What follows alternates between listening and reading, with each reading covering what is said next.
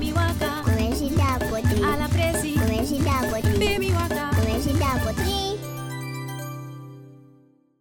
Hallo meisjes en jongens.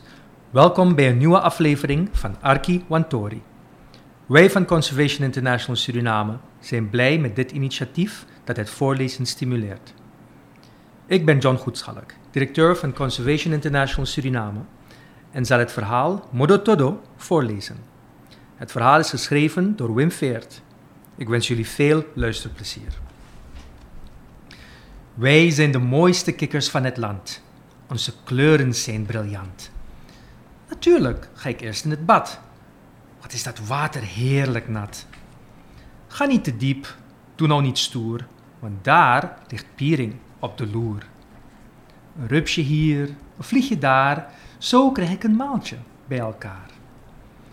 Ik moet er soms wel flink voor klimmen, daarom moet ik vroeg beginnen.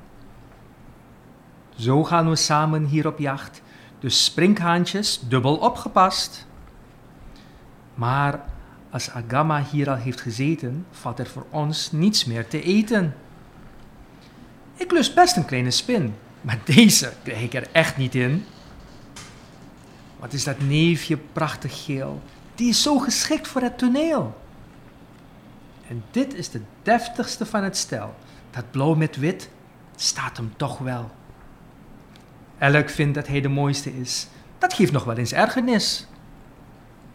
Maar ondanks ons kleurverschil wonen we toch heerlijk samen in ons eigen Suriname.